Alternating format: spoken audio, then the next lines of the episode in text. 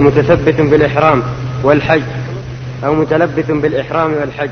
فهل حجه صحيح وماذا عليه؟ أولا يجب أن نعلم أن الاستمناء باليد أو غير اليد. حرام. إلا مع الزوجة. فإن الإنسان له أن يستمني بيدها أو بين فخذيها أو ما أشبه ذلك. أما مع غير الزوجة فإنه حرام.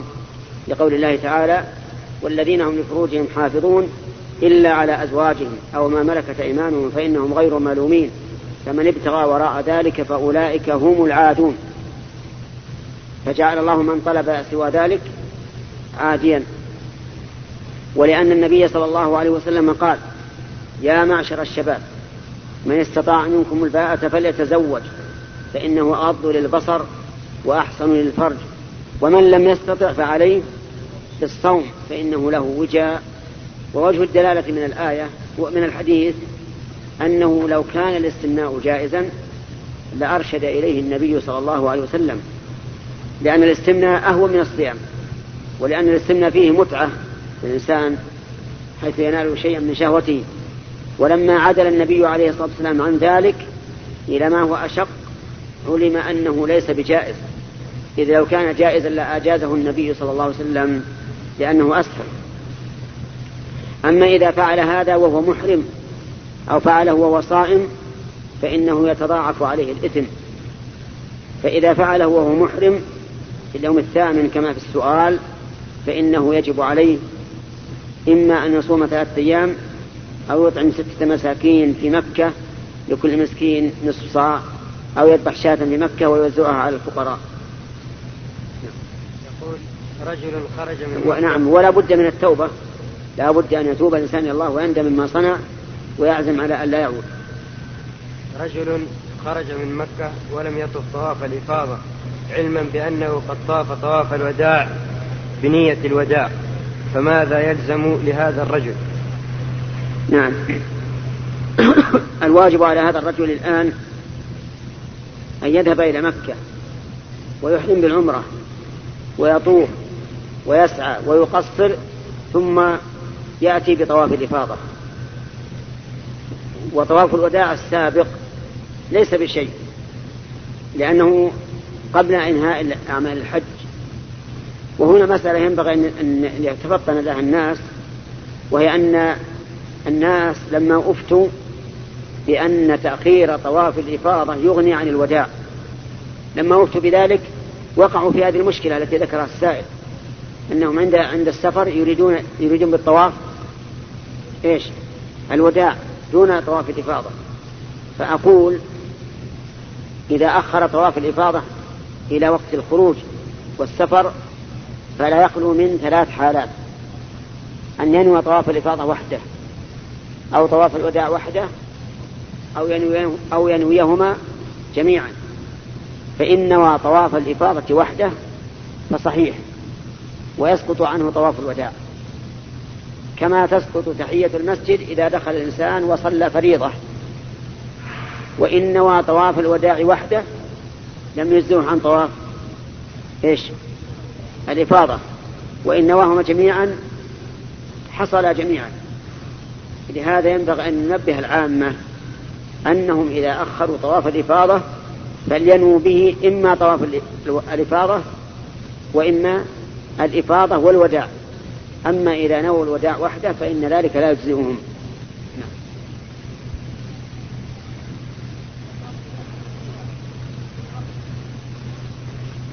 قبل الجمرات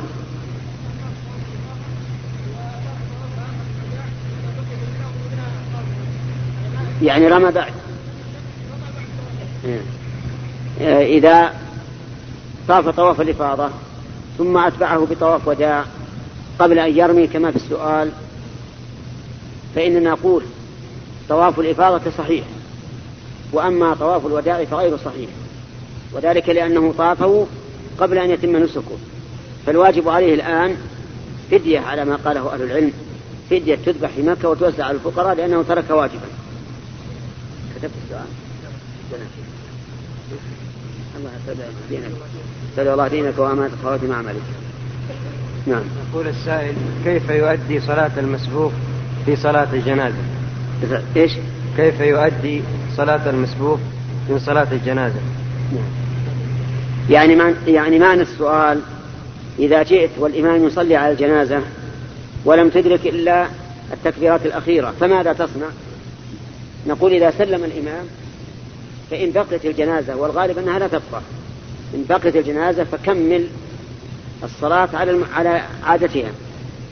وإذا خشيت أن ترفع كما هو الواقع فأنت بالخيار بين أن تسلم مع الإمام أو أن توالي التكبير وتسلم قبل أن ترفع.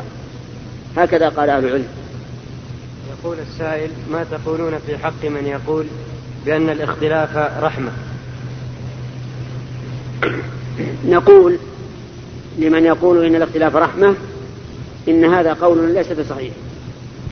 لأن الله تعالى يقول ولا يزالون مختلفين إلا من رحم ربك. وأما ما يروى عن النبي صلى الله عليه وسلم أنه قال اختلاف أمتي رحمة فهذا لا صحة له ولم يصح عن النبي صلى الله عليه وسلم. بل إن النبي صلى الله عليه وسلم يقول لا تختلفوا فتختلف قلوبكم. لكن حكم الخلاف أو حكم الاختلاف رحمة يعني بمعنى أن الناس إذا اختلفوا فإنه فإن فإنهم لا يأتمون. لا يأتمون. يعني اجتهدوا فاختلفوا. لا يأتمون. بل رحمة الله تسعهم. وتجعل كل إنسان مجتهد. ليس عليه شيء.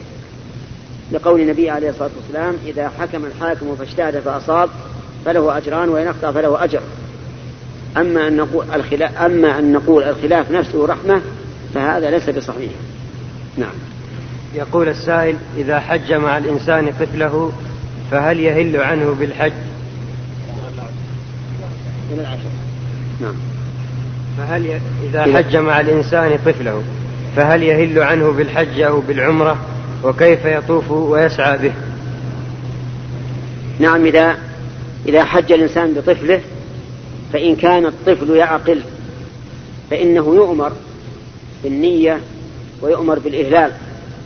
فيقال مثلا آه، اقصد انوى العمرة انوى الحج وقل لبيك اللهم لبيك ويحفظ التلبية. أما إذا كان الطفل لا يعقل ولا يتكلم صغير فإن أباه أو وليه يهل عنه. يقول لبيك لفلان ويطوف به ويسعى به. ولكن لا يسعى به لا يطوف به طوافا واحدا له وللطفل بل يطوف لنفسه أولا ثم يطوف بالطفل ثانيا أو يطوف لنفسه ويؤجر من يحمل الطفل معه. وكذلك نقول في السعي. وإنني بهذه المناسبة أقول إن كون الإنسان يجعل أطفاله يحرمون في هذه المواسم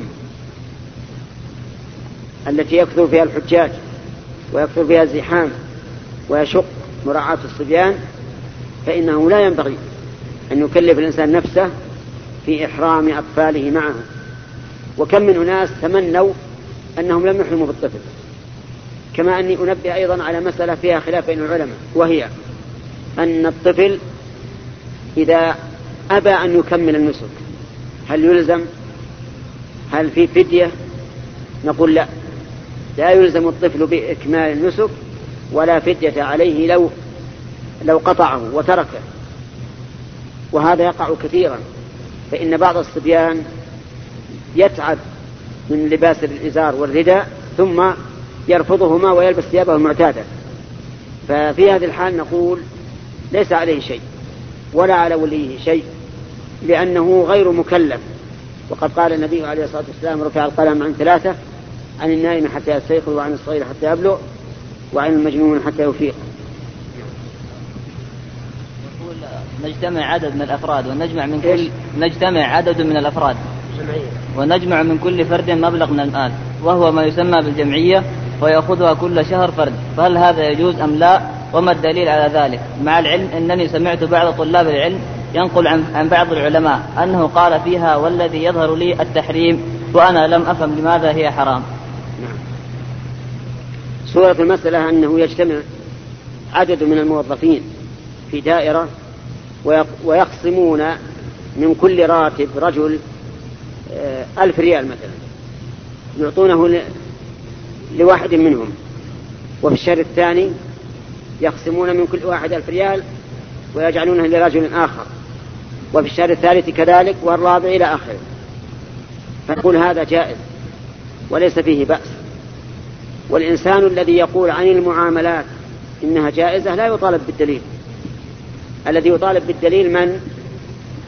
من يقول إنه لا يجوز لأن الأصل في في العادات والمعاملات الأصل فيها الحل. فإذا قال قائل هذا العمل حرام وقال آخر هذا العمل حلال ها فالحق مع من؟ مع من قال إنه حلال حتى يقيم الذي قال أنه حرام دليلا على التحريم. هذه المسألة ليس فيها ما يوجب التحريم. لأن غاية ما فيها أن الرجل أقرض غيره قرضا اشترط عليه وفاءه فقط. لأنه لأنهم حينما يعطون واحدا منهم على أساس أنه سينالهم حظهم من هذا القرض فحظهم من هذا القرض ليس فيه منفعة لهم. لأنهم سوف يوفون هذا القرض على كل حال. فكأنهم قالوا نقرضك بشرط أن توفينا. أما القرض الذي جر نفعا فهو الذي يعطيه مئة ويأخذ مئة وعشرة مثلا. أو, أو يعطيه مئة وينتفع بسيارته. أو يعطيه مئة وينتفع ببيته. هذا الذي قرض زمان أما أن يعطيه مئة ولا يأخذ إلا مئة فقط فهذا ليس ليس بقرض جر نفعا فهي معاملة صحيحة وليس فيها بأس إطلاقا. نعم. يقول السائل فضيلة الشيخ الذي يحدث الآن بخصوص إيش؟ الذي يحدث الآن بخصوص التنظيم سير الحجاج بحيث يمنع الحاج من الرجوع إلى مكة فكيف يصنع من عليه طواف الإفاضة؟ نعم. آه، من عليه طواف الإفاضة إذا كان لا يمكنه أن يدخل مكة محرما بالعمرة فإنه يدخل بثيابه يدخل بثيابه. لأن التحلل الأول قد حصل له فقد رمى وحلق فيكون قد حل التحلل الأول فإن سهل عليه أن يأتي بعمرة قبل طواف الإفاضة فذاك وإن لم يسهل دخل مكة بثيابه المعتادة بدون إحرام ثم طاف للإفاضة وسعى إذا لم يكن قد سعى تمنع عن الحاج أن يذهب إلى تمنع إيش؟ تمنع الحاج أن يذهب إلى مكة فماذا يفعل؟ لا بد من أن يرجع يقيم عليها دعوة عند عند المحكمة. نعم. إحنا طبعا رجعنا من من عرفات تاخر شوية وجينا المزدلفه ومجرد ما وصلنا اول مزدلفه صلينا المغرب العشاء ولقيتنا الحصى استعجال شوية ركبنا بالسياره على أساس توقف فينا طبعا حسنا خذنا النوم جينا رحنا غروب الشمس وزلنا في مزدلفة. شروق الشمس. إحنا نزلنا في مزدلفة. بعد صلاة الفجر. بعد صلاة الفجر. ما نزلناش ما حطيناش بقدر الرحال نزولنا كان بقدر ما صلينا المغرب العشاء ولقيتنا شوي حصى هيك باستعجال خارج خارج مزدلفة. في أول مزدلفة. في أولها؟ في أولها. لا لا ما دام نزلت في أولها أيوه. قبل الفجر لكن ما كناش فيها مدة يعني. شوية قليل. ما في شيء. بارك الله بارك الله يقول الش- السائل وهو سؤال متكرر ما حكم الإسلام في الطرق الصوفية؟ وهل هي محدثة أم كانت في عهد الرسول؟ أولا يجب أن لا يوجه السؤال لشخص بهذه الصيغة ويقال ما حكم الإسلام؟ لأن الشخص ربما يخطئ وربما يصيب. فإذا أخطأ نسب خطأه إلى من؟ إلى الإسلام. إلا إذا قيد. فقيل ما حكم الإسلام في نظرك؟ لا بأس. وإلا فليقل ما ترى. أما طريق الصوفية فلا بد أن يبين لنا الأخ السائل ما هو طريق الصوفية لأننا نشهله والحكم على الشيء فرع عن تصوره. فإذا كان لديه علم فليتفضل الآن يشرح لنا ما, ما هي طريق الصوفية حتى يمكن الحكم عليها.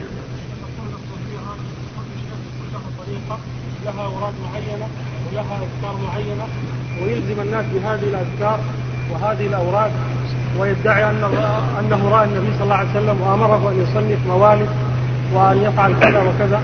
له أتباع وله جماعات. ويضرب الدفوف وأذكار. شيء معروف. على كل حال لا شك أن اتخاذ أوراد معينة بعدد معين أو كيفية معينة لم يرد بها الشرع لا شك أنها بدعة وأن كل بدعة ضلالة كما قال النبي عليه الصلاة والسلام. كذلك أيضا إذا صاحب الأذكار إذا صاحب الأذكار دفوف وهز الرؤوس وضرب على الأرض وما أشبه ذلك فهو أيضا بدعة. بل إن ضرب الطبول معصية لأن الطبول لا يحل ضربها. الدفوف أهون. يجوز أن تضرب في الأعراس والأفراح وما أشبهها لكن ضرب الطبول حرام. فإذا كان هؤلاء لا يذكرون الله إلا على معصيته فطريقهم بدعة منكرة يجب إنكارها. نعم. طيب أنجب عليه يقول, نعم. يقول السائل وهو سؤال أيضا متكرر إذا لم نلحق صلاة الجماعة وراء الإمام ونحن مجموعة هل يجوز لنا أن نعمل جماعة أو نصلي متفرقين وهل السلف كان يفعل كانوا يفعلون ذلك؟ نعم. إذا جئنا ونحن جماعة وقد سلم الإمام فإننا نصلي جماعة هكذا جاءت السنة عن النبي صلى الله عليه وسلم فإنه عليه الصلاة والسلام دخل رجل ذات يوم فإن رجلا دخل ذات يوم والنبي صلى الله عليه وسلم في أصحابه وقد فاتت الرجل الصلاة فقال من يتصدق على هذا فيقوم ويصلي معه. فقام رجل فصلى معه. وهذه إقامة جماعة ثانية بأمر النبي صلى الله عليه وسلم. وإنما سماه الرسول صلى الله عليه وسلم متصدقا لأنه أتى بالواجب. فإذا والإنسان إذا أتى بواجب العبادة صار إتيانه بها ثانية صار صدقة. كما قال النبي عليه الصلاة والسلام إذا صليتما في رحالكما ثم أتيتما مسجد الجماعة فصليا معهم فإنها لكما نافلة. فالسنة دلت على أن من دخل ووجد الإمام قد صلى فإنه يصلي جماعة إما مع واحد من أهل المسجد الذين صلوا وإما مع من دخل معه. والسلف ورد عنهم هذا وهذا ورد عنهم أنهم صلوا وورد عنهم أنهم لم يصلوا ولكن السنة تفصل بين المتنازعين. ثم إن الذي ورد عنهم أنهم لم يصلوا. هي في الحقيقة قضية عين. يحتمل أنهم لم يصلوا لأنهم يخافون أن يقتدي الناس بهم لأنهم أصحاب رسول الله صلى الله عليه وسلم.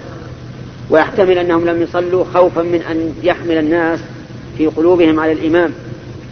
فيظنون أن أن هذا الصحابي تخلف لأنه يكره الصلاة خلف هذا الإمام فيكرهون هذا الإمام. ويحتمل معنى ثالثا. أنهم لم يصلوا لسبب لسبب من الأسباب مثل أن يكون هناك من يشتغل بالذكر أو القرآن ويخافون أن يشوشوا عليهم. المهم أن هذه قضية عين تحتمل أسبابا كثيرة لكن الذي جاءت به السنة هو الفيصل وهو الحكم بين الناس. فيجب آه، الأخذ به دون دون من سواه. وإني لأعجب من قوم قالوا إن إقامة الجماعة صدقة إذا كان الذي قامت به قد صلى من قبل. ثم يقولون لا تقام الجماعة إذا كانت واجبة. إذا جاء اثنان لا يصليان جماعة. وإن جاء واحد ووجد واحدا في المسجد قد صلى يصليان جماعة. كيف هذا؟ إذا كان يؤمر الإنسان الذي قد صلى أن يصلي مع هذا الداخل فكيف لا يؤمر الإنسان الداخل أن يصلي مع الداخل لأن كل منهما صلاته فريضة. وإذا جاز تعدد الجماعة في النافلة فتعدد الجماعة في الفريضة من باب أولى. صحيح أنه لو اتخذ هذا عادة راتبة بحيث ينتظر جماعة من الناس فراغ الإمام الأول ثم يأتون بعده. على وجه راتب مستمر هذا ينهى عنه ولا شك. طيب. آه واحد, واحد يسأل عن حج النساء في هذه الأيام يعني أيام الزحمات. هل تحج المرأة أو لا؟ فنقول أما إذا كانت الحج فريضة فلا بد منها.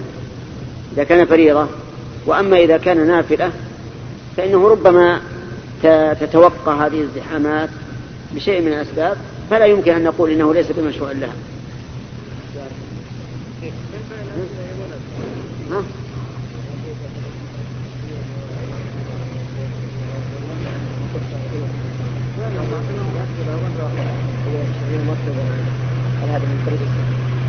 يقول بعض الناس إذا سمع قول المؤذن أشهد أن محمد رسول الله مسح عينه. كذا. ها؟ يبلها يبل يبل أصبعه ثم يمسح عينه. كأن لأجل أن لا يصيبها العمى نقول هذا خطأ. هذا خطأ. و و ولا يجوز للإنسان أن يعتقد هذا الاعتقاد. لأنه لأن نقول من من الذي قال لك أن هذا يحصل فيه الشفاء؟ هذا قول على الله بلا علم. و إيش؟ المرور بين يدي المصلي إن كان في جماعة فسترة الإمام سترة لمن خلفه وأما إذا لم يكن في جماعة فإن النبي صلى الله عليه وسلم قال لو يعلم المار بين يدي المصلي ماذا عليه لكان أن يقف أربعين خيرا من أن يمر بين يديه. أن يقف أربعين إيش؟ نعم ورد في البزار أربعين خريفا أي أربعين سنة. لو يبقى أربعين سنة حتى ينتظر سلام هذا الإماء الرجل ثم يمر كان خيرا له.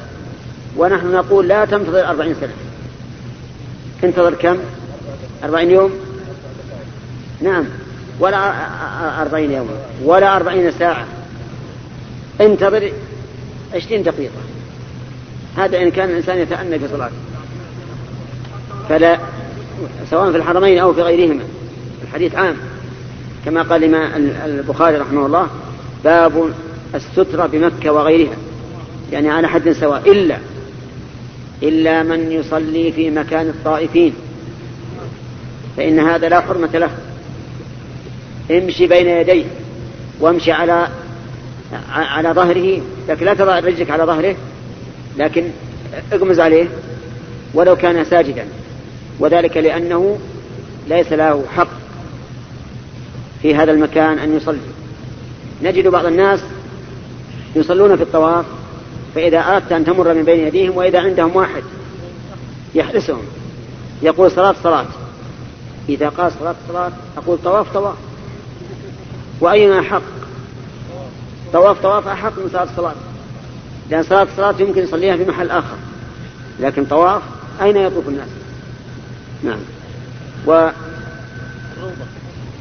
الروضة وغيرها سواء.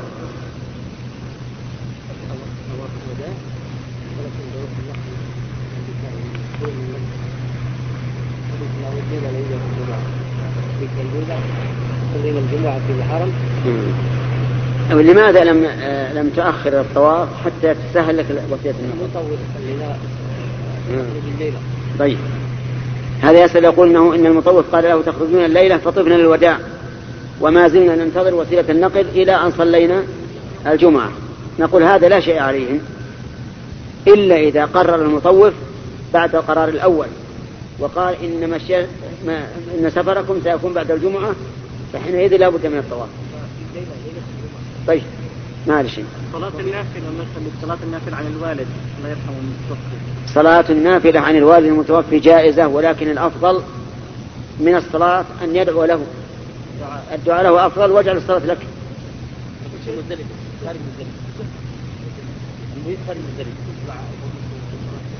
إيش؟ دعاء القنوت في الفرائض ليس بمشروع إلا عند النوازل إذا نزلت المسلمين نازلة فإنه يشرع القنوت في الفجر وفي غير الفجر. نعم. وننتهي إلى هذا السؤال. ونسأل الله أن يجعلنا وإياكم من القانتين المصلين. والسلام عليكم ورحمة الله وبركاته.